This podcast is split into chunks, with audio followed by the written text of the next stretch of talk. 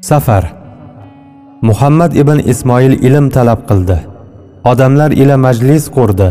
Hadis izlab safar qildi va unda mohir bo'ldi. Ahmad ibn sayyor marvaziy hijriy 210-da fotima ikki o'g'li hamrohligida haj safariga otlandi. Bundan murod uchovlon haj qilib bo'lgach tahsil olishi uchun muhammadni ilmu ulamo yurti bo'lmish makkai mukarramada qoldirib o'g'li ahmad bilan ortga qaytish edi. Safar turgan bitgani xatar sayohat har qadami mashaqqat deganlaricha bor ekan. Fotima bibining ham ikki o'g'lining ham bir necha bor boykandga borib kelganlarini hisobga olmasa bunaqa olis safarga ilk bor chiqishlari edi. Agar bu mashaqqatlar ortida makkaga borib haj ibodatini o'tash va muhammadni o'sha yerdagi ustozlar tarbiyasida qoldirish maqsadi bo'lmaganida ona ham farzandlar ham bu qattiq qiynoq sinovlarga sabr qila olmagan bo'lishardi. Karvon yigirma kundan beri to'xtamay yo'l bosadi. Faqat tahorat olish va namozni ado etishgagina to'xtashadi. Ko'pincha yengilgina tamaddini ham ulov ustida qilishga to'g'ri keladi. Karvon amiri bilol haj mavsumigacha hijozga yetib olishni o'ylab tinmay tuyakash sarbonlarni shoshiradi. Goho o'zi otda karvon ortiga o'tib biror sabab bilan orqada qolganlarni tezlaydi. Poyoni ko'rinmaydigan qumliklar uzra izg'igan garimsel yuz ko'zga urilaverganidan terilar achishib bezillab ketdi. Bebosh shamolning sho'xligi tufayli goh u yerda goh bu yerda paydo bo'lib qoladigan qum barxanlari karvon yo'lining barakasini qochirayotgan edi. Ko'kdan tinmay yog'ilayotgan olov jalasi tanaffussiz esuvchi issiq shamol olis yo'l mashaqqati musofirlarning rosa tinka madorini quritdi. Hatto o'ta bardoshli tuyalarning yurishi ham qiyinlashib so'lqildoq lablarining ikki cheti oppoq ko'pikka to'ldi. Ikki o'rkachli nortuya ustiga mahkamlangan havdaj ustida ketayotgan fotimaning tashnalikdan lablari yorilib ketgan tomog'i qurib tili tanglayiga chippa yopishgan edi. Karvon ahlini suvsizlik qiynab yubordi. Goho qum barxanlari uzra olisda daraxtzor voha paydo bo'lib qoladi. Otliq xabarchilar suv izlab o'sha yerga borishadi-yu hafsalalari pir bo'lib noumid qaytishadi. Ko'rganlari sarob ekan. Ayol suv axtarib havdaj poyiga bog'langan meshchani paypaslab ko'rdi. U allaqachon bo'shab issiqdan qovjiray boshlagan edi. Suv keltirishlarini so'rash niyatida havdaj pardasini xiyol ochdi. Baquvvat oq hachirga mingashib ketayotgan o'g'illarini chaqirmoqchi bo'ldi. Ahmad o'z xayollariga cho'mgan holda hachirni tezlab borar uning ortidagi muhammad akasining belidan mahkam quchganicha tinmay nimalarnidir pichirlar edi. Hoynahoy yod olganlarini takrorlayotgan bo'lsa kerak xayolidan o'tkazdi ona va uni suygan mashg'ulotidan uzgisi kelmadi. Baribir oxiri tashnalik ustun keldi. Tinkamadori qurigan onaning sabr bardoshi ustidan qaqragan tomog'i g'olib keldi. Ahmad o'g'lim biroz suv keltirsangiz deya oldi arang. Ahmad onasining ahvolini ko'rib shoshib qoldi. Men hozir dediyu ukasini xachirdan tushirib o'zi karvon boshiga suv axtarib ketdi. Karvon amiri holatni tushunib tuyalar ustidagi meshlarni birma bir tekshirib chiqdi. Bir badavlat kishining tuyasiga bog'langan meshdan bir piyolacha suv topildi. U suvni begona hamsafarga berishni istamay o'zimdagi suvni berib bu kimsasiz sahroda bekorga o'lib ketishni istamayman deb to'ng'illadi.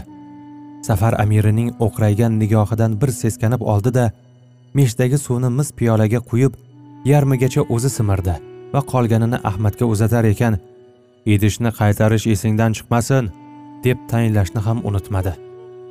Hijozga ko'p marta qatnagan tajribali amir hech qachon bu galgiday tang ahvolda qolmagan edi. Bir necha kunki karvon bir chelak suvga zor. Odatda hajga otlanganlar o'z yo'llarida sersoya daraxtlar bilan o'ralgan bir necha quduqlarga duch kelishadi. O'sha yerda tunashadi. O'zlari ovqatlanib hordiq chiqarishadi.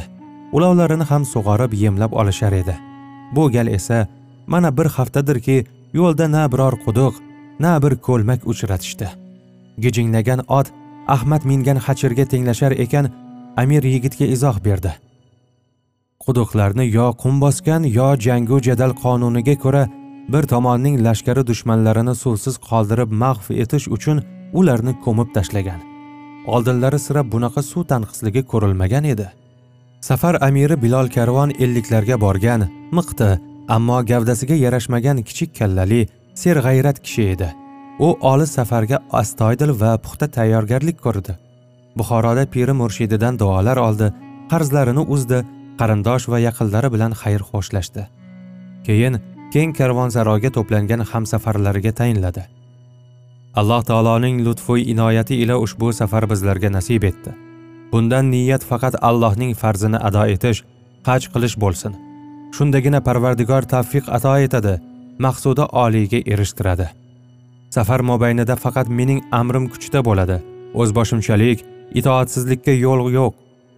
Barcha musulmonlar birodarlar bir birlariga yaxshilik qiladilar. Safar chog'i buni unutishga haqqimiz yo'q. Allohim safarimizni bexatar qil haj ibodatiga vaqtida yetib borishimizni nasib ayla. Yo'l azoblarini osonlashtir deya ikki qo'lini yuzlariga siypadi. Bilol karvon hozir ham safarlarining tashnalikdan nihoyatda qiynalayotganlarini ko'rib ruhan ezildi vijdoni qiynaldi. U bu mashaqqatlarda ko'proq o'zini ayblardi. Yetti marta karvon amiri bo'lib qanchalab odamni hijozgacha bexatar boshlab borgan kishi bu gal negadir beparvolik yo hafsalasizlik ortidan ko'proq suv g'amlamadi. U yo'lda uchraydigan quduqlarga ishonganidan ikkita katta suv meshini ortiqcha yuk tuyalarni qiynaydi deb karvonsaroyda qoldirdi. O'rniga hijozda pul bo'ladigan samarqandning harir shoyilarini g'amladi. Hozir shu ishim parvardigorga xush kelmadimikin deb o'zini malomat qilar xunobi oshganidan bo'ynigacha qip qizarib ketgan edi. U otini qayoqqadir shitob bilan choptirib ketdi. Muhammad safar amirining niyatini bilolmay qiyinchiliklardan qo'rqib bizlarni o'z holimizga tashlab qochmadimikin? degan xayolga ham bordi. Ammo u ortiga emas negadir borayotgan tomonlariga qarab ot solgandi. Karvon bir joyda turib qoldi. Issiqdan bo'g'riqqan tuyalar erinibgina kavshanib qo'yadi. Boshini behol silkitib labi atrofidagi ko'piklardan qutulmoqchi bo'ladi. Odamlarni majolsizlikdan uyqu elitgan ular hatto cho'kkan tuyalardan tushishga ham erinib turgan joylarida qaqragan tillarini namlash uchun tinmay yutinishga harakat qilishadi. Muhammad onasini tashnalik qiynab yuborganidan ezilib ketdi. Qaniydi hozir bir piyola suv bo'lsaydi onamga tutib duolarini olgan bo'lardim degan xayolda atrofdagi odamlarning qo'llariga olazarak boqadi. Ammo hech kimda suv qolmagan. Borlari ham o'z jonini o'ylab ozgina suvni hammadan yashirishga urinadi. Ikki soatlarcha chamasi vaqt o'tgach uzoqdan bilol karvonning qorasi ko'rindi. U otini choptiraverib tamoman holdan toydirgan o'zi ham bir ahvolda edi. Qum to'lgan ko'zlarini asabiy ishqalarkan qo'lidagi suv to'la kichik meshchani egardan olib yoniga chopib kelgan yordamchisiga uzatdi. U cho'kkan tuyalar atrofini aylanib hammaning idishiga suv quyib bera boshladi. U suvni hammaga yetkazish uchun ayrimlarning ko'proq quyish haqidagi iltijolarini ham inobatga olmas qahrli va yalinchoq nigohlarga parvo ham qilmas edi. Suv kelgach hamma jonlanib qoldi. Odamlarning tashnaligi biroz bosilgani tuyalarni ham sergaklantirib yubordi. Ular birin ketin yotgan joyidan qo'zg'olib bilol karvon ko'rsatgan tomonga qarab yo'lga tushdi. Karvondagilarning tashnaligini biroz bo'lsada qondira olgan bilol karvon sal xotirjam bo'lib suvni qayerdan topganini karvondagilarga entika entika so'zlay ketdi. Tikkaygan daraxt yoki parvoz qilayotgan qushni ko'rarmikanman deb termulaverib ko'zlarim teshilib ketay dedi. Shundoq bepoyon sahroni suv ilinjida taka taka qilib tashladim. Oldingi safarlarda biz suv olgan hamma quduqlar ko'milib ketibdi yoki kimdir qasddan berkitib tashlabdi oxiri bu yerdan 15 chaqirimcha narida bir tuya boqarning o'tovini ko'rib qoldim. Yalanib yolborib arang bir meshchada suv so'rab oldim. Tuyaboqarning aytishicha sahrodagi hamma quduqlarni zulyaminayn tohir husaynning odamlari ko'mib tashlaganmish. U kim bo'ldi deb hayron bo'lyapsizlarmi? Men ham u haqda eshitmagan ekanman. Tohir husayn xalifaga bo'ysunishdan bosh tortib atrofiga odam to'plabdi va ular yordamida xurosonni xalifaga bo'ysunmaydigan mustaqil davlat deb e'lon qilgan emish. Bu qilmishini qattiq qoralab ustiga qo'shin tortib kelish bilan dag'dag'a qilgan xalifaga o'chakishib haj karvoni yo'lidagi barcha quduqlarni ko'mdirib tashlaganmish. Bizdan sal oldinroq marovdan yo'lga chiqqan 45 kishilik karvon ham suvsizlikdan nihoyatda qiynalib ortiga qaytib ketibdi. Mana shunaqa gaplar yurtdoshlarim tezroq buxshir bandargohiga yetib olmasak holimiz xarob bo'ladiganga o'xshaydi. Bunday qismatdan allohning o'zi asrasin. Ertasiga shom kiray deganda bandargohga yetib borishdi. Bandargoh deganlari ustiga qamish yopilgan bir ayvon va yonidagi ixchamgina kulbadan iborat bir joy ekan.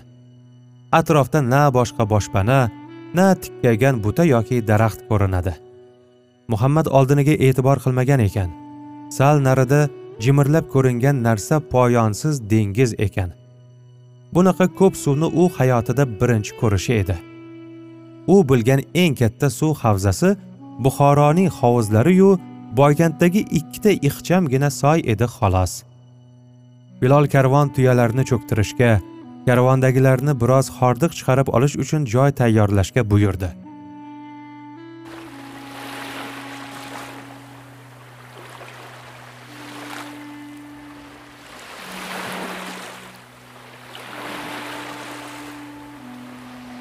Hamma dengiz suvida tahoratini yangilab shomga tayyorgarlik ko'ra boshladi.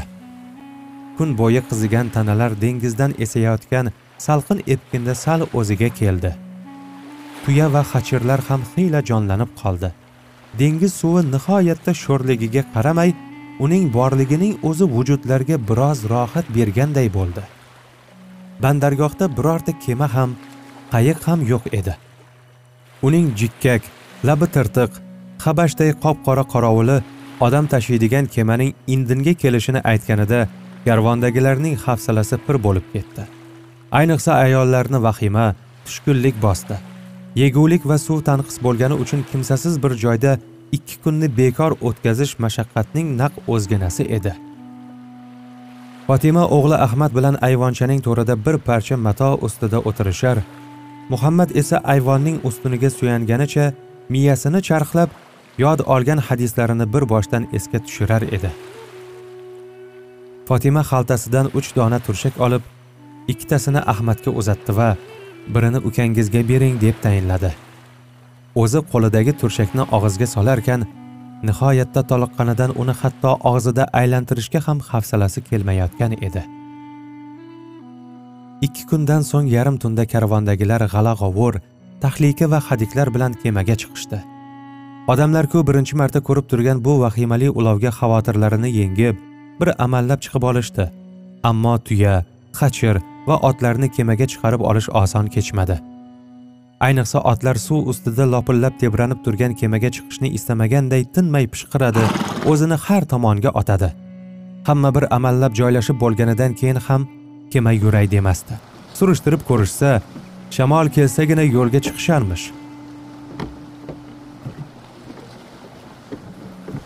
O'shoqqina kemaning pista po'choqday tinmay qalqib lopullab turishi och qorinlarni battar behuzur qilar.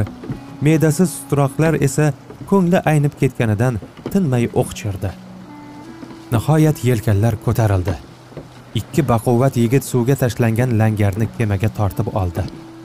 Kemaning qoramoy surtilgan taxtalari xuddi hozir bir necha bo'lakka ajrab ketadiganday yoqimsiz g'ijirlaydi. Atrof zimiston ikki qadamlarini mutlaqo ko'rib bo'lmaydi. Dengiz suvining yoqimsiz hidi dimoqlarni bezovta qiladi. Zulmat qa'ridan allaqanday sirli vahimali shovullash qiyqiriqlar eshitilib qoladi. Hammaning yuragida qo'rquv va xavotir. Birov boshqasining holiga aylanishga yaramaydi. Yo'lovchilarning bari o'zi bilan o'zi ovora. Bilol karvongina odatdagiday kemada ham bir zum tinim bilmaydi. Kimgadir suv topib bergan kimningdir hojatini eshitayotgan boshqasidan hol so'rayotgan. Fotimaning ahvoli nihoyatda tanglashib qoldi. Ko'ngli bezovta bo'lar ichidan nimadir tashqari otilib ketadiganday tuyulardi. Ammo u o'g'illarini qo'rqitib yubormaslik uchun tishini tishiga qo'yar qo'lidagi safar xaltasini mahkam changallaganicha ovozini chiqarmay unsiz ingrardi. Kema sahnada turib olib yelkan ustunini mahkam quchganicha xuddi vahimali tunda qorayib turgan dengizda nimanidir uchratib qoladiganday olislarga diqqat bilan tikilib turgan muhammad onasining behol ingrashini eshitib qoldi. Shoshib uning oldiga bordi. Nima bo'ldi onajonim? Bezovtalanyapsiz. Xavotir olmang o'g'lim. Sal mazam qochdi. Hozir hammasi o'tib ketadi. Biror yegulik topib kelaymi? Ochqagandirsiz ovora bo'lmang dilbandim. Ko'nglim hech narsa tilamayapti. Muhammadning mehri jo'sh urib erkalangisi kelganday onasining bag'riga boshini qo'ydi. Bolalikdan tanish qalampirmunchoqning yoqimli bo'yi dimog'iga gup etib urildi. Ona o'g'lining qo'ng'iroq sochlarini beholgina silarkan chuqur xo'rsinganicha iloho bolamni o'z panohingda asragin deb qo'ydi. Shuncha qiyinchiliklarga qaramay ikkovi ham ulug' safardan kutayotgan murodlari tobora yaqinlashayotganidan masrur va xushnud edilar. Ona xiyla ulg'ayib qolgan dilbandining qo'llaridan mehr bilan mahkam ushlab olgan muhammad esa yaqinda onasi va akasi uni yurtidan juda olisdagi begona shaharga tashlab o'zlari qaytib ketishlarini o'ylaganida qalbini hali yetib kelmagan firoq alami ezg'ilayotganday bo'lardi. Kimningdir jon holatda qichqirgani eshitilib birdan ikkov sergak tortishdi. Ahmadning kemaning bosh tomoniga ketib hanuzgacha qaytmagani shundagina eslarga keldi. Kemaning tinmay lopillab chayqalishi ahmadning ham madorini olib tinkasini quritib qo'ygan edi. Shu topda onasi va ukasidan ahvol so'rashga ham toqati yetmas o'zi bilan o'zi ovora edi. U kemaning yonbosh taxtasiga boshini osiltirib olib tinmay o'qchir qornida hech vaqo yo'qligi uchun yengil tortishi qiyin bo'layotgan edi. Muhammad akasining qo'ltig'iga kirib uni avaylab yetaklab keldi va onasining yoniga yotqizdi.